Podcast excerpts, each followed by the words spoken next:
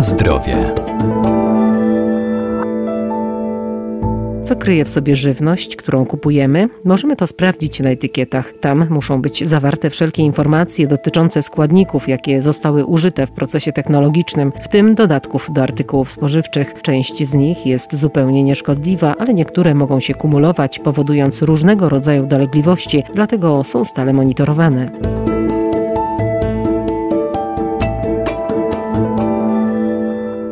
Dodatki do żywności to substancje, które nie są spożywane jako żywność, a są dodawane do produktów spożywczych np. w celu poprawy ubytków powstających w procesie technologicznym. Powszechna dostępność sprawiła, że producenci coraz chętniej dodają je do swoich wyrobów. Dodatki do żywności są to substancje, których stosowanie obwarowane jest szczególnymi przepisami. Doktor habilitowana Bożena Czech, profesor uczelni Uniwersytet Marii Curie Skłodowskiej w Lublinie. To znaczy można je stosować tylko w określonych warunkach, bo na przykład wymaga tego proces produkcyjny, bo na przykład wymaga tego, żeby produkt ten spożywczy na końcu miał określoną konsystencję. Także to nie są związki takie, których można dodawać w dowolnej ilości, w dowolnych warunkach. One są w pewien sposób regulowane. Z drugiej strony są też to substancje, których lista jest w pewien sposób aktualizowana. Mogą być zabronione w pewnym momencie do stosowania, mogą być na przykład na liście podejrzewanych o działanie niekorzystne i na przykład takim dodatkiem do żywności na pewno nie są monodisacharydy. Nie jest na przykład dodatkiem do żywności kazeina,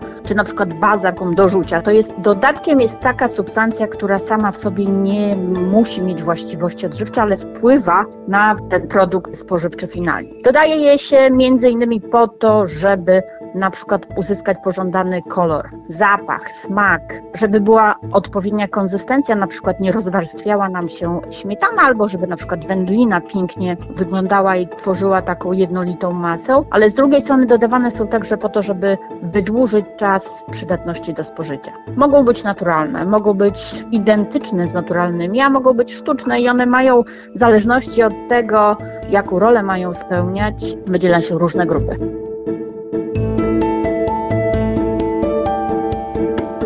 Na zdrowie.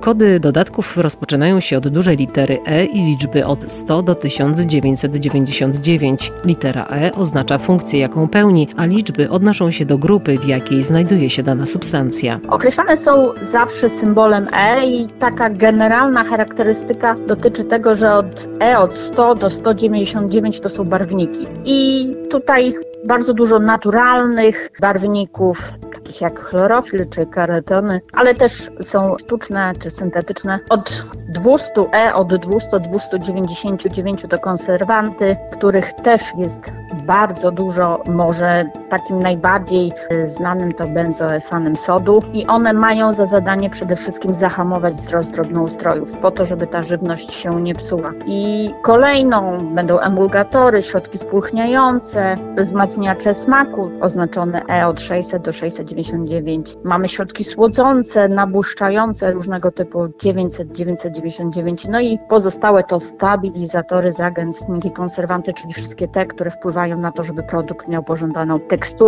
odpowiednio wyglądał. Mogą zagęszczać, mogą żelować, ale mogą też na przykład przeciwdziałać takiemu zbrylaniu się, stworzeniu się kryształków na przykład lodu w lodach, po to, żeby ten lód był taki bardziej gładki, prawda, i nie było widać w nim kryształków lodu. Patrząc jak gdyby na, na tą listę E, jest ich bardzo dużo, to jest gdzieś około 2000 substancji, naprawdę bardzo różnych, niektóre bardziej popularne, inne mniej, oczywiście niektóre typowe dla konkretnej gałęzi przemysłu, ale nie oszukujmy się, ponieważ jest to lista substancji dopuszczonych w odpowiednich warunkach do stosowania, jest to lista aktualizowana. Na pewno dodatków do żywności, czy takich dodatków nie można stosować do miodu, do masła, do mleka pasteryzowanego, takiego, które ma nie być później dodatkowo aromatyzowane, czy do naturalnych wód mineralnych, czy kawy, czy herbaty liściastej, ale tej właśnie niearomatyzowanej, nie posiadającej tych dodatkowych jakichś smaków, czy do suchego makaronu, więc ta lista jest naprawdę z jednej strony długa, ale z drugiej na tyle konkretna, że jak gdyby gama do wyboru substancji, jeśli chodzi o dany produkt, jest ściśle określona.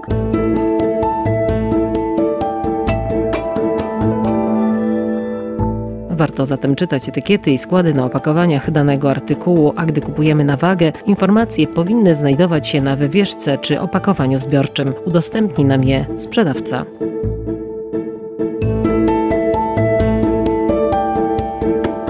Na zdrowie.